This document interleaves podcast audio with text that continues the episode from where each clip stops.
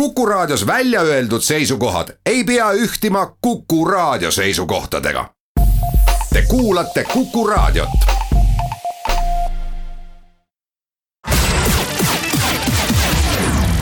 nädala Tegija. tegijaid hoiab Itella Smartpost. nädala Tegija alustab. no sellel nädalal Eesti Pank avaldas ka endapoolse mõjuanalüüsi pensionisüsteemi reformi ehk pensioni teise samba vabatahtlikuks muutmise kohta. ja kuna Eesti Pank on sellel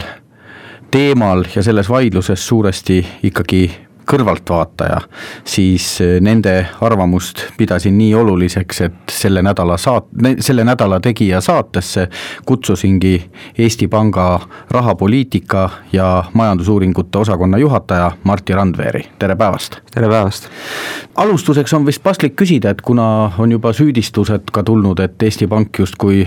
on ühe erakonna esimehe sõnul ise partei ja mõni ütleb, et sekkub poliitikasse, et miks Eesti Pank sellist mõjuanalüüsi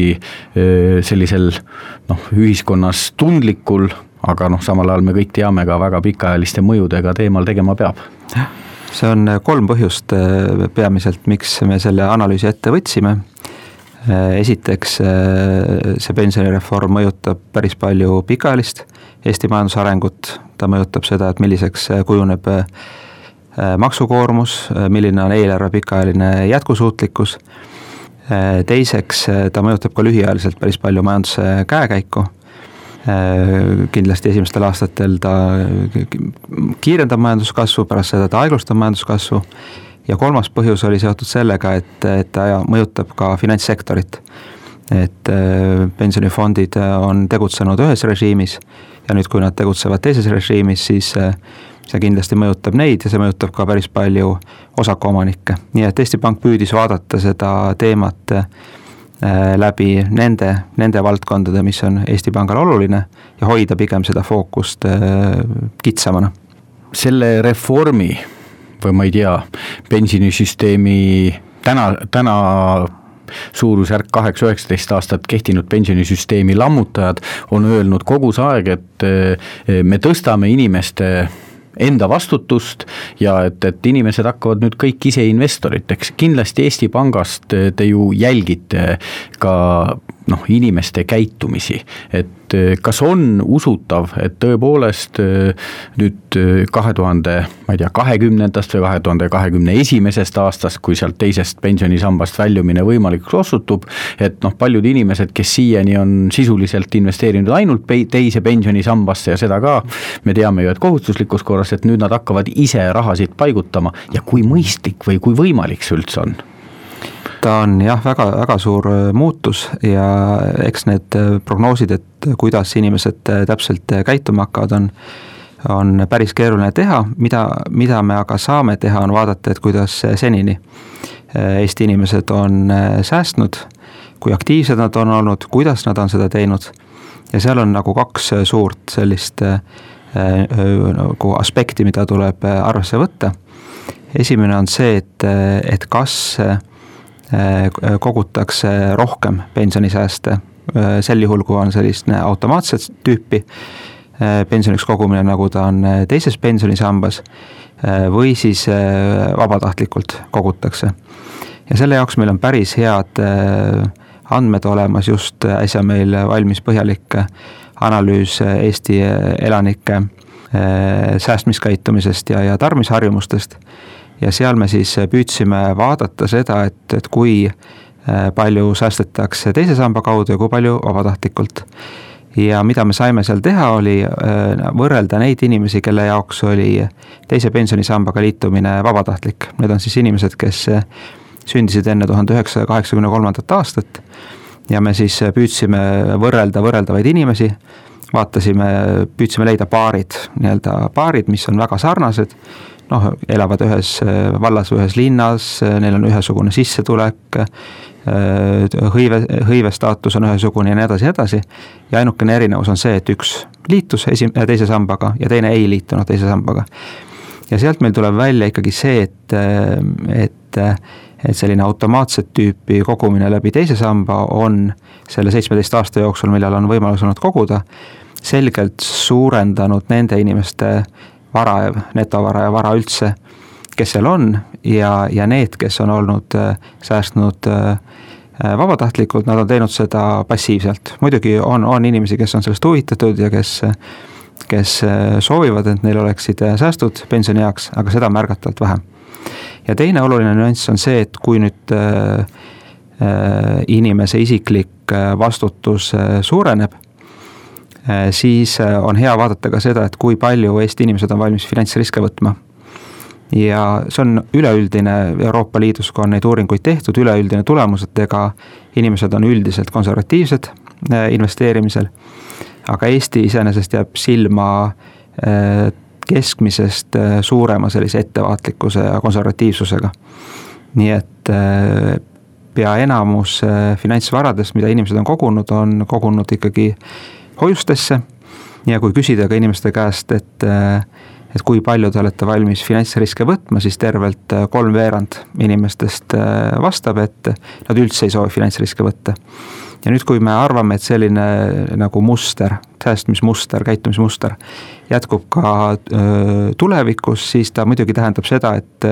inimesed on ettevaatlikud ja pikal perioodil noh, tõenäoliselt ikkagi suurem tootlus tuleb siis, kui neid investeerimisriske võetakse rohkem.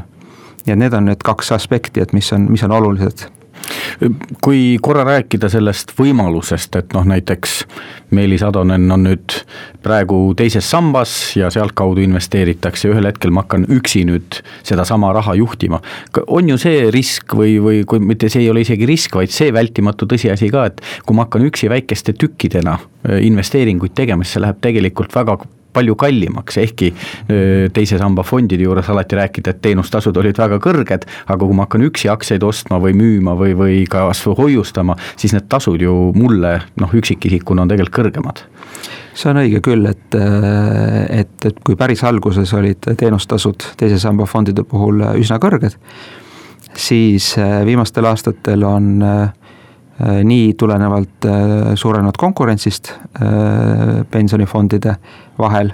kui ka Riigikogu otsustest on need teenustasud äh, alanenud, et võrreldes algusega on võib-olla kaks pool korda need teenustasud madalamad, nii et, äh,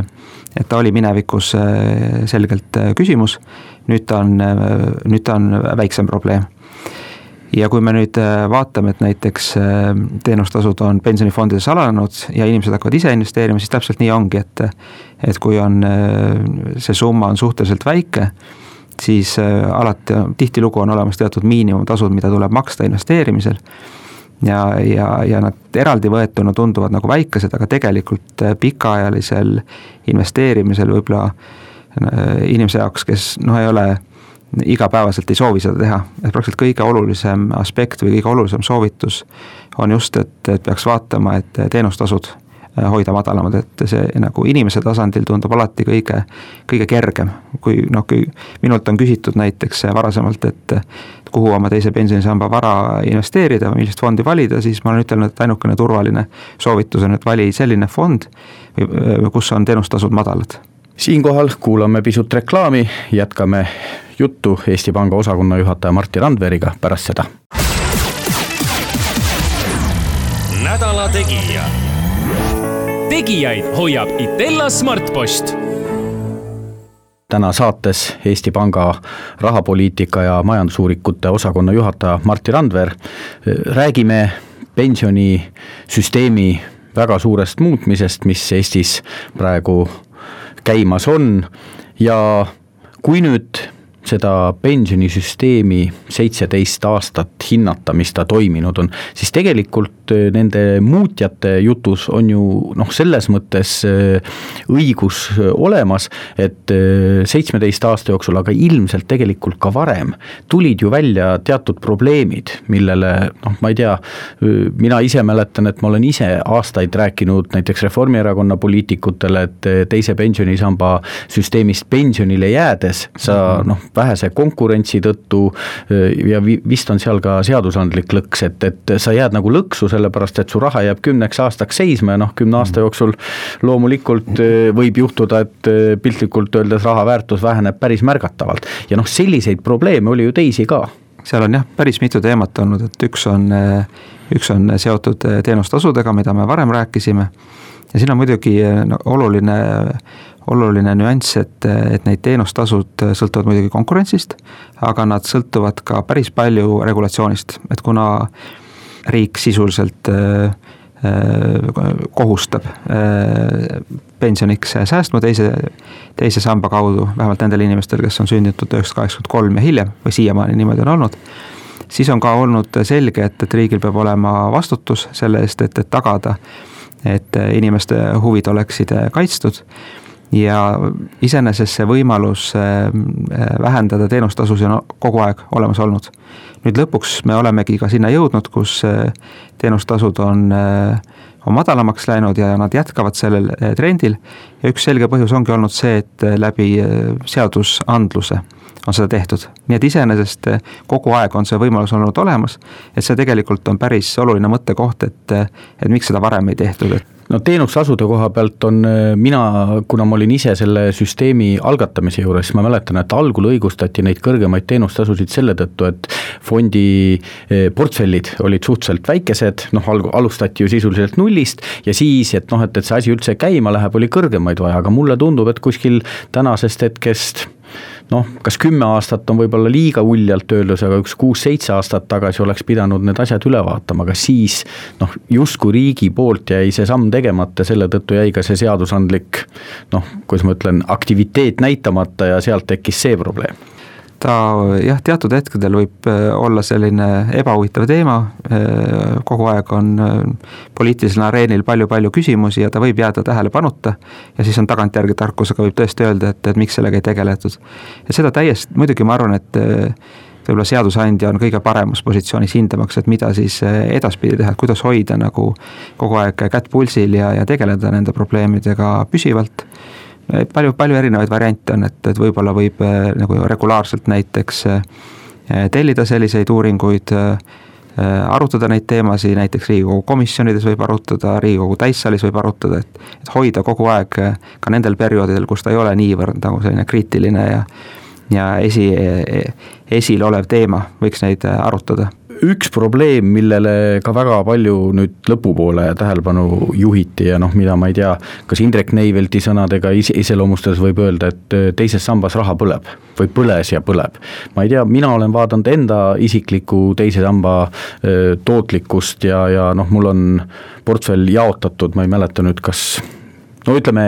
paljude fondide vahel, päris kümmet ei ole ja, ja noh, mis tähendab, et seal peaks olema enam-vähem mingi läbilõige. Ja ma olen küll vaadanud, et raha ei põle, et, et isegi see tulemus ju, mida meile panga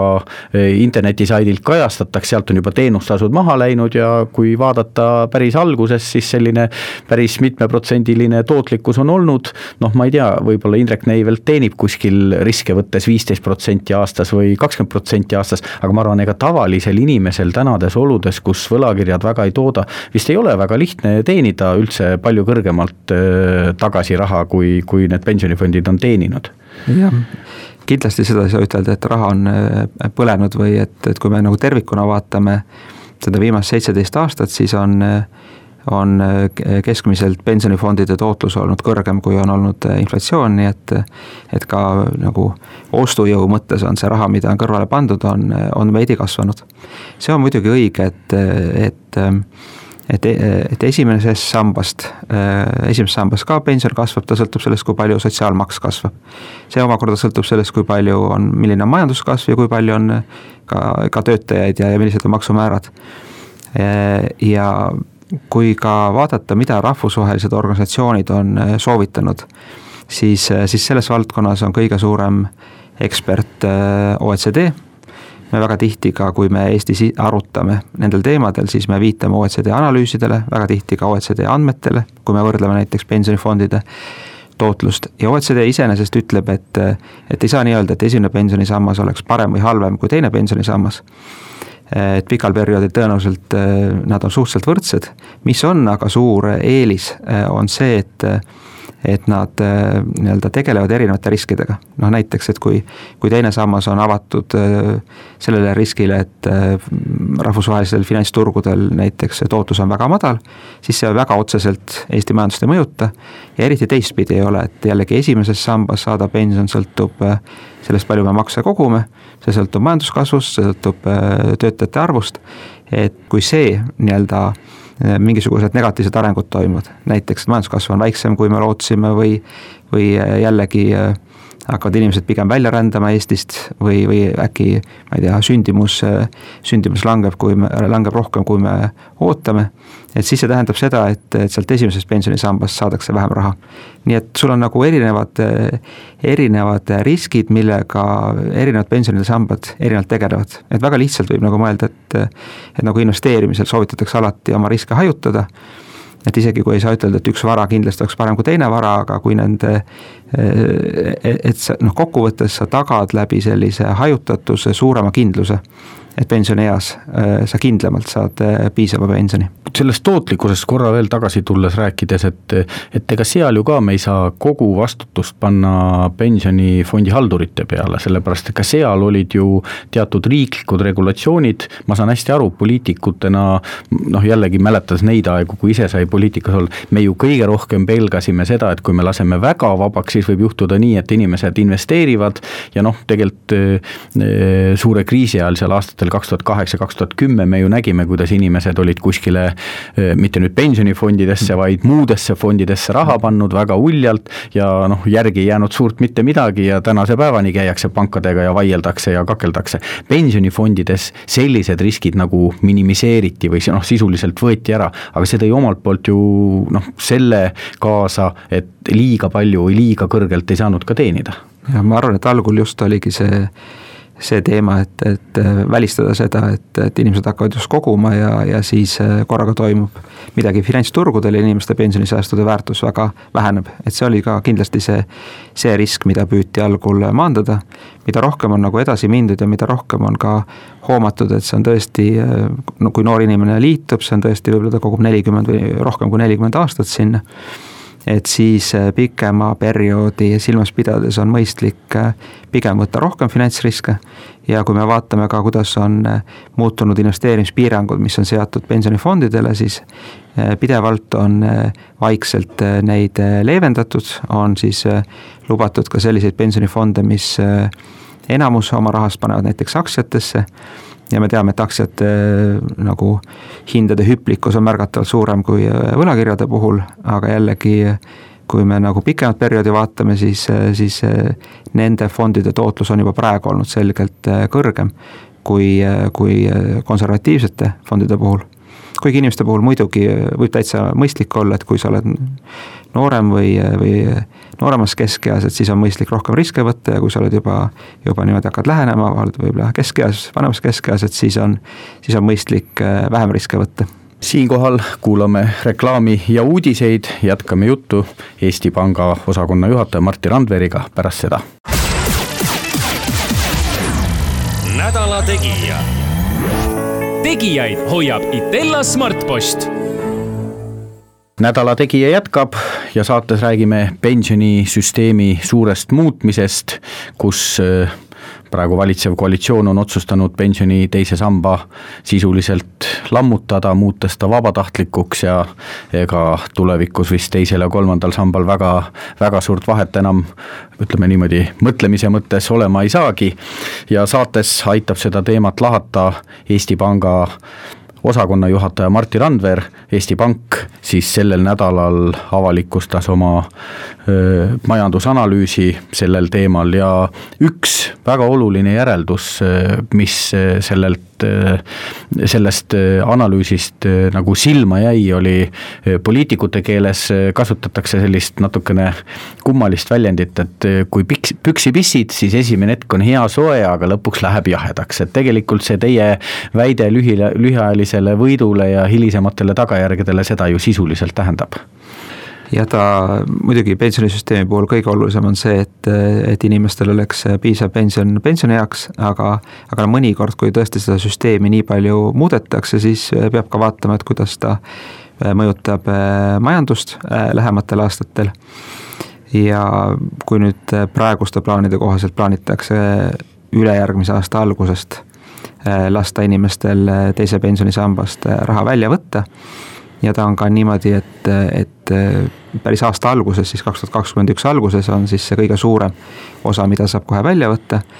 siis, siis kindlasti ta mingil määral niimoodi juhtub. päris palju on tehtud ka küsitlusi selle kohta, kui palju inimesed plaanivad sealt raha välja võtta, eks need ole üsna erinevad ja küsimused on erinevad, ega seal head tunnetust ei ole. Aga ikkagi see on, see on arvestatav osa, kes eh, selle raha välja võtavad ja kulutavad. et võib-olla see nagu majanduse seisukohalt ei olegi nii tähtis, et et kui, kui palju välja võetakse, vaid küsimus on see, kui palju välja võetakse ja kui palju siis kohe ära kulutatakse. et see mõjutab majanduse arengut.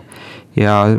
ja kui nüüd see raha välja võetakse, on see aasta või kaks aastat aktiivsemalt, et siis see, see periood eh, muidugi on eh, tarbimine suurem, impordi kasv on suurem, tõenäoliselt ka hindade kasv on suurem ja kui nüüd need äh, mõne, mõni aasta hiljem enam sealt nii aktiivselt raha välja ei võeta, sest need, kes soovisid selle raha ära kulutada, on võib-olla selle juba raha ära kulutanud, siis jällegi äh, majanduskasv aeglustub, nii et mis, mis me nagu saame, on see, et võib-olla esimesel aastal-kahel on selline niisugune ajutine kasvuspurt ja, ja pärast seda on selline aeglustumine, mis võib isegi olla ka majanduslangus. No mina isiklikult arvan küll, et teatud hulk inimesi on selliseid, kes ei hoomagi, et, et neil mingi raha kuskil, kuskil kättesaadavalt võib olla ja kui nüüd see raha ühel hetkel kättesaadavaks muutub, siis lihtsalt eh, viiakse teatud unistused, kas oma autost või, või lõunamaa reisist või, või, või ükskõik millest ellu ja, ja see lõppkokkuvõttes eh, tähendab eh, lühiajalist tarbimispidu, aga räägime, need, kes enda raha ära raiskavad, need on, need, see on nende enda mure ja eks lõpus on ta ühiskonna mure, aga õnneks ühiskonna mureks muutub ta sel hetkel, kui nad on pensionil ja nende pension on nii väike, et me peame hakkama sotsiaaltoetusi rääkima. aga noh, seda kõike me ei jõua täna lahti rääkida, aga räägime pigem nendest inimestest, kellel on vara ja kes võib-olla ei tea täna, mida selle varaga teha. ma ise näiteks olen üks selline, et ühelt poolt noh kuidas ma ütlen, et mulle meeldib, enne käis ka saates korra see munade mitmes korvis hoidmine mm, -hmm. et mulle mhm, meeldib mm -hmm. nagu see mäng, et ise investeerin, investeerin erinevatesse võib-olla mittetraditsioonilistesse instrumentidesse, siis natukene ostad aktsiaid ja natukene vaatad kinnisvara ja see pensioni, mul on nii teine kui kolma, kolmandas midagi ja need kõik on nagu sellised noh, kuidas ma ütlen, üksteisest sõltumatud asjad ja jälle tore on. aga nüüd selle teise sambaga on mul natuke tekkinud kõhklused, mul tegelikult esimest korda kõhklused tekkisid siis, kui Ansip korra kriisi ajal sinna sissemaksed peatus. mitte sellepärast, ma tegelikult mõistsin tollast valitsust, sest noh, siis oli kriis ja, ja raha oli puudu ja noh, ega ma ise ei oleks kõrvalt osanud anda mingit targemat nõu, et kust tol hetkel kokku hoida, aga noh, see süsteemi usaldusväärsusesse väikese mõra lõi okei okay,, tookord noh, nagu ütleme, et see kompenseeriti tagantjärgi, noh, ma küll oskasin arvutada, et hiljem ma sain natuke, natuke eba, kuidas ma ütlen, vähem, vähem soodsamalt neid asju osta, sest kriisi ajal oleks saanud põhja pealt osta, nüüd pidi natuke kõrgemalt, aga need on noh, nagu nüansid, see lõi mõra. aga nüüd, kui noh, järgmised mehed tulevad, ütlevad, et, et okei okay,, nüüd me teeme vabatahtlikuks, aga et noh, et siin peaminister ütleb, et härra, et tema ikkagi hoiab edasi ja nagu vihjab ka, et minusugustele, et hoidke ka edasi, aga samal ajal ma tean näiteks, mis juhtus Poolas. et noh, Poolas no vägagi parempoolsed ja liberaalsed jõud, ma ei tea, neil ikkagi oli ühel hetkel raha puudu ja nad tegelikult riigistasid ja nüüd äh, selle fondi osakul, osa, osaku omanikul, et noh, tal tekivad ju mingid kõhklused, et mida ta peaks tegema ma arvan, et see on väga õige, et, et, et see nii palju, need valikud sõltuvad usaldusest. et kui, kui meie seda analüüsi teeme, et, et me lihtsalt peame noh, nii-öelda äh, arvestama sellega, et on olemas teatud poliitilised riskid, aga need on sellised, noh, et tal, nad on spekulatsiooni tasemel, aga see on tõesti õige, et, et Poolas ja, ja Ungaris äh, no ma Ungari näidet ei hakanud tooma, sest seal on kõik pahasti läinud. jah, aga et on jah, kaks riiki, et kus kus tõesti tehti suur reform ja, ja üllatav oli see, et, et tegelikult nendel oli pensioni, nendes riikides oli pensionifondide tootlus päris hea. et see ei olnud üldse neile, neile probleem. aga miks, mida nad siis tegid, nad põhimõtteliselt lihtsalt erineval moel siis tõstsid teise sambasse kogutud raha valitsuse taskusse Äh, ja küll lubasid, et tõesti need, kes siis tõstavad teisest sambast esimesse sambasse, et tulevikus ausõna, me maksame teile kõrgemat pensioni või tulevased siis äh, äh, tulevased koalitsioonid maksavad teile kõrget pensionit. nii et see on kindlasti miski, mis on oluline, et, et kui inimesed teevad valikuid, siis tahes-tahtmata sellega tuleb arvestada ja ma arvan, et selle koalitsiooni puhul võib-olla üks nagu olulisem ülesanne olekski nagu selgelt öelda, mida me, noh, kuidas inimesed peavad sellesse suhtuma, et on see usaldusväärne, et ja, ja, ja selles valguses muidugi eh, ka see koalitsioon ei saa lubada järgmiste koalitsioonide eest ja ainukene, mida siis teha saab, on, et kui me teeme neid pensionisüsteemi muudatusi, nad peaksid olema võimalikult laiapõhjalised, et ma arvan, et see rong on juba vist läinud praegu, aga, aga, aga nii-öelda pikemalt ette vaadates, et alati eh, seda tüüpi öö, eh, otsused, kus nagu iga koalitsioon saab muuta, peavad, peavad olema ikkagi konsensuslikud. aga inimese seisukohalt öö, tuleb vaadata, et milline, kuidas koalitsioon nii-öelda, kuidas ta kirjeldab oma nägemust sellest, sellest süsteemist. aga iseenesest, mida kindlasti saab ütelda, on see, et pensionisäästudeks kogumine on mõistlik. meil ikkagi rahvastik vananeb tulevikus on maksumaksjaid inimese kohta vähem. nii et kui praegu on olnud niimoodi, et sotsiaalmaks on kasvanud kiiremini kui tootlus teise samba fondides, siis pikal perioodil võib see olla vastupidi, vastupidine. ja, ja pluss siis, mida me juba ennem rääkisime, et munad erinevas korvis hoidmine, et see, see aitab lihtsalt kindlamini tagada pensionit üks oluline teema varadega seoses on veel, et, et tegelikult kas mu loogika on õige, et need varad, mis on väljamaal, need nagu on natukene noh, kuidas ma ütlen, mitte paremini kaitstud, ma ei taha öelda, aga nad on natukene kindlamas seisus antud reformi mõistes. selle tõttu, et noh, seal nad ju lahustuvad üle maailma investorite rahasse ja sealt, kui nüüd üks Eesti haldur oma patsientide või oma klientide raha vaikselt välja korjab, noh selle mõju on väiksem, aga noh, minu arvates ligi viiendik vist, kas ei olnud seitse, kaheksateist protsenti, see jah, on, on rahast, mis on vist Eestis, et noh, siin, kui nüüd pensionifondid hakkavad maha müüma, mida ma tegelikult küsida tahan, on see, et ma saan aru küll, et kui keegi müüb midagi väga aktiivselt, hind ikka kipub natukene langema. aga see ju tegelikult äh, paneb äh, teatud fondi osanikud ka selle löögi alla, et kui ma nüüd jätkata tahan nendes fondides, mis on Eestisse investeerinud, siis minu riskid on suuremad, no mina võin äh, raadios otse ära öelda, et mina tegin selle reha nüüd juba mõned päevad tagasi ära ja, ja juba vastavalt sellele liikusin Eestist väljapoole, sest noh, mul on hirm, et mingil hetkel fondid langevad ja võib-olla siis, kuna nüüd on fondi noh, piltlikult öeldes vahetuskulud suhteliselt väikseks muutunud, et võib-olla siis sealt lähen ühel hetkel põhja pealt tagasi ostma, aga, aga on sellised riskid ju ka, mida jälle see fondi osanik, kes nüüd jätkata tahab, peab vaatama ja ta mõjutab tegelikult nii, nii neid, kes, kes müüvad praegu, kui ka need, kes, kes soovivad jätkata. et kui praegu on, kui inimesed hakkavad näiteks aktiivsemalt välja võtma oma raha fondidest, siis täpselt nii äh, fondid peavad oma investeeringuid äh, müüma. kui, kui on äh, Eesti pensionifondid, mis on raha pannud rahvusvahelistesse, rahvusvahelistele finantsturgudele, on näiteks indeksfondid, siis on selge, et need fondid, nende turud on niivõrd likviidsed, et see pisku, mis nemad müüvad, et loomulikult sellel ei ole mitte mingisugune mõju Eestisse on jah investeeritud üks kuuendik äh, sellest veidi rohkem kui neljast poolest miljardist, mis praegu pensionifondides on. Äh, osa sellest rahast on muidugi päris likviidne, et selle likvideerimine või selle mahamüümine, kui vaja on, ei ole suur probleem aga on mõned ka sellised äh, mittelikviidsed varad ja iseenesest oli tegelikult ka väga mõistlik, et osa raha Eestisse paigutati ja kui me üldse vaatame, mis toimub rahvusvahelistel finantsturgudel, siis on, siis on väga paljud on hädas, et need tootlused on nii väikesed. kindlustusseltsid on hädas, pangad on hädas ja, ja pensionifondid on mõnes mõttes, nende eelis on see, et, et nendel on äh, raha äh, pikaks perioodiks, kui väga kergekäeliselt raha ei saa välja võtta. ja, ja tegelikult, kui nad tahavad pakkuda siis äh, tulevastele pensionäridele head tootlust, siis on väga mõistlik see, et, et nad paigutavad oma raha sellistesse noh, osalustesse ettevõtetes näiteks või et see on kindlasti see koht, et kus, kus tulud lõpuks teenib rohkem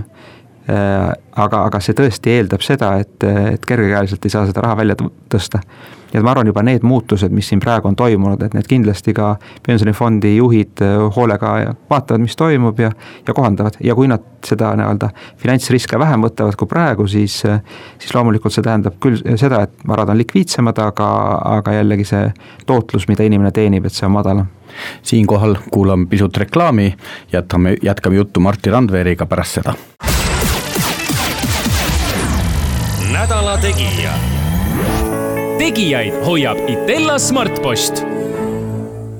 Sellel nädalal keskendume siis pensionisüsteemi reformile, Eesti Pank sai valmis eh, mõjuanalüüsi kavale teine sammas pensionisüsteemis vabatahtlikuks muuta ja saates täna Martti Randver, Eesti Panga rahapoliitika ja majandusuuringute osakonna juhataja, mina olen pensionifondi osanik Meelis Atonen. üks teema on veel, et tegelikult öö, nendes vaidlustes ma ise olen ka tihti niimoodi vaielnud ja öelnud, et mina kui selle fondi eh, nagu osanik tahan, et mind huvitab tegelikult see, mis on minu tulemus. aga samal ajal väga palju nende muudatuste järg, juures räägitakse mõjust Eesti majandusele ja majandusele tervikuna, et eh, kui ma olen nüüd fondi osanik,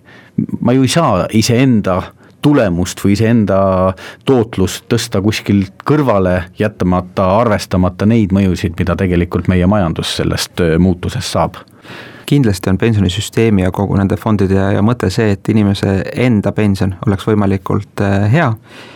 pensionieas ja see ongi loomulik, et inimene peabki mõtlema selle peale, et kuidas siis nende valikute, õigeid valikuid teha või häid valikuid teha. et inimene ei pea sellele mõtlema see soovitus pigem oli äh, suunatud valitsusele, et äh, kui selliseid muudatusi tehakse, siis see võib tähendada seda, et, et Eesti majanduskasv on hüplikum, kui ta muidu oleks olnud lähiaastatel. ja sellega tuleb lihtsalt arvestada, nüüd ma ei ütle, et see on nüüd eh, kõige olulisem teema selles eh, analüüsis, aga, aga see on midagi, millega tuleb arvestada, et esimestel aastatel on selline ajutine kasvuspurt, millele järgneb siis eh, langus. ja miks ta ka iga inimese seisukohalt oluline on, on on nii nagu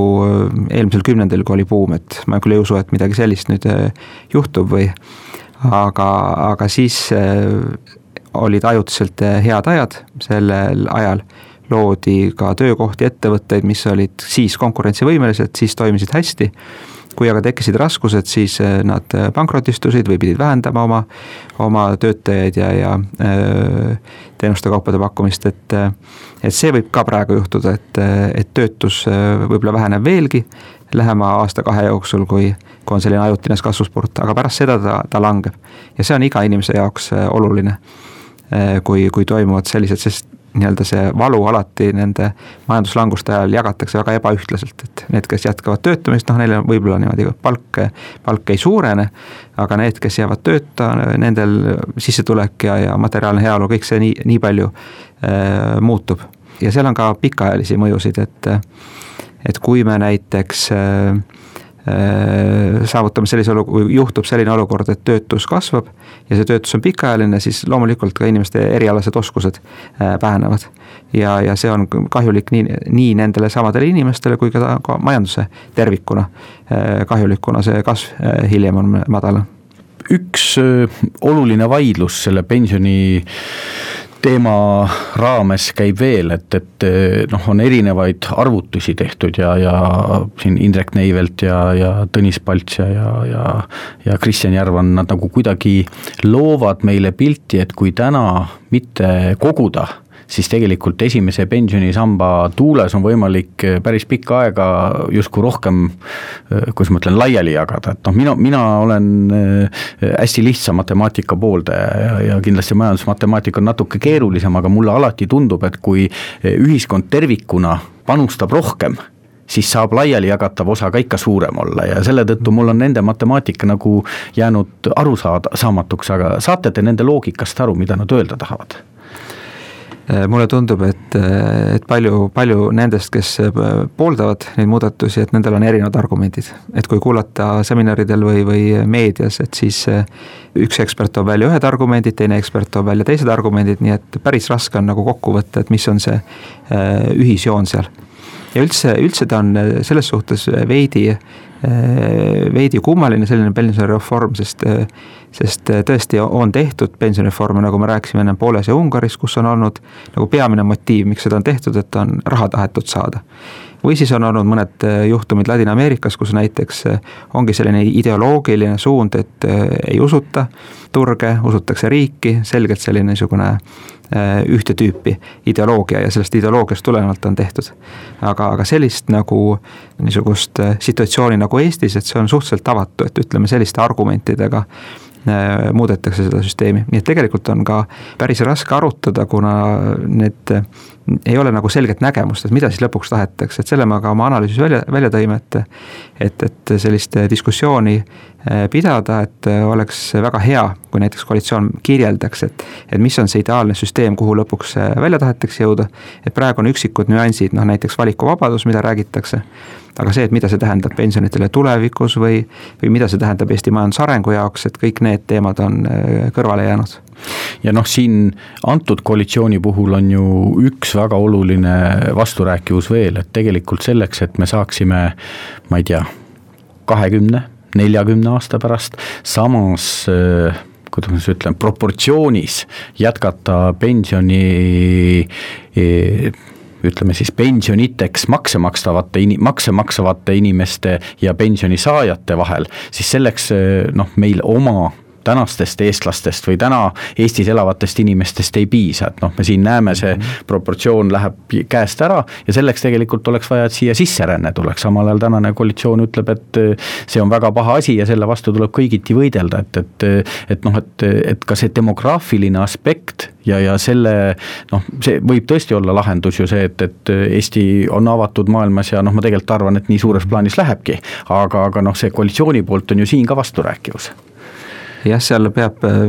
peab nagu selgelt välja tooma, et mis on need lahendused, et kuidas saab äh, tagada kõrgemat äh, pensioni esimesest pensionisambast, et tõesti ta on niimoodi, et äh, pensioniea tõstmine, maksude suurendamine, pensionite vähendamine, võib-olla teatud juhtul ka tööealiste, tööealiste inimeste sisseränne Eestisse. Et, et ega tegelikult see ei ole üldse väga keeruline, et, et see on küll nagu suured arvutused, aga, aga seda ei ole väga, väga keeruline teha nii et noh, et sellisel tasemel me kindlasti peaksime nagu äh, rääkima, aga üks asi, mis on nagu üldine ja mida me, mis mõjutab kõiki Euroopa Liidu, Euroopa Liidu riike, arenenud riike ja Eestit, sealhulgas on see, et, et rahvastik äh, vananeb ja, ja see, et kui me näiteks ainult pensioniea tõstmise kaudu seda teeksime, et siis see päris, päris suur on see pensioniea tõstmise vajadus. Kui no me siis... muidugi ühiskonnas lepime kokku, et see on nagu äh, sobilik et siis me võime niimoodi teha, aga, aga meil peaks olema see arutelu. tegelikult peaks ju inimestele otse ütlema, et, et näiteks need inimesed, kes täna on kolmekümneaastased, et noh, teie ärge unistage, et te saate pensile kuuekümne seitsmeselt, teie pigem saate seitsmekümne kaheselt ja siis võib-olla saate sellist pensioni nagu täna, aga pigem ka siis suhtarvuna pigem väiksemat jah, ta on niimoodi, et, et meil on eriti kriitiline hetk satub äh, kahe tuhande kuuekümnenda aasta paiku, et see on see hetk, kus suhteliselt suured põlvkonnad kaheksakümnendate aastate lõpust üheksakümnenda aasta paiku, et need on juba pensionile minemas ja need järgmised põlvkonnad, järgmine põlvkond, ütleme, kes on üheksakümnendatel aastatel sündinud, et see on märgatavalt väiksem. et see on just see hetk, et kus kus need muud meetmed äh, peaksid olema päris jõulised, et seda, seda tasalülitada, nii et selles osas on mõistlik äh, tõenäoliselt, äh, kui on palju kange, mida saab tõmmata, et tagada esimesest pensionisambast ja, ja üldse kõrgemad pensionid, et siis peaks kõiki neid kasutama, et selles suhtes teine sammas ei ole võluvits, aga ta on lihtsalt, ta on üks võimalus tagada seda, et, et need, et inimeste pensionid oleksid suuremad, kindlamini aitäh, Martti Randver, kuulajatele ütlen ainult ühte, et ärge uskuge seda, et täna kiiresti kulutades te võite jõukamaks saada. mõelge selle peale, et pensionieas olete te natukene viletsam ja natukene nõrgem kui täna ja kindlasti seetõttu ärge unustage pensioniajaks raha kogumast. nädala Tegija uuesti pisut vähem kui nädala pärast. nädala Tegija. tegijaid hoiab Itella Smartpost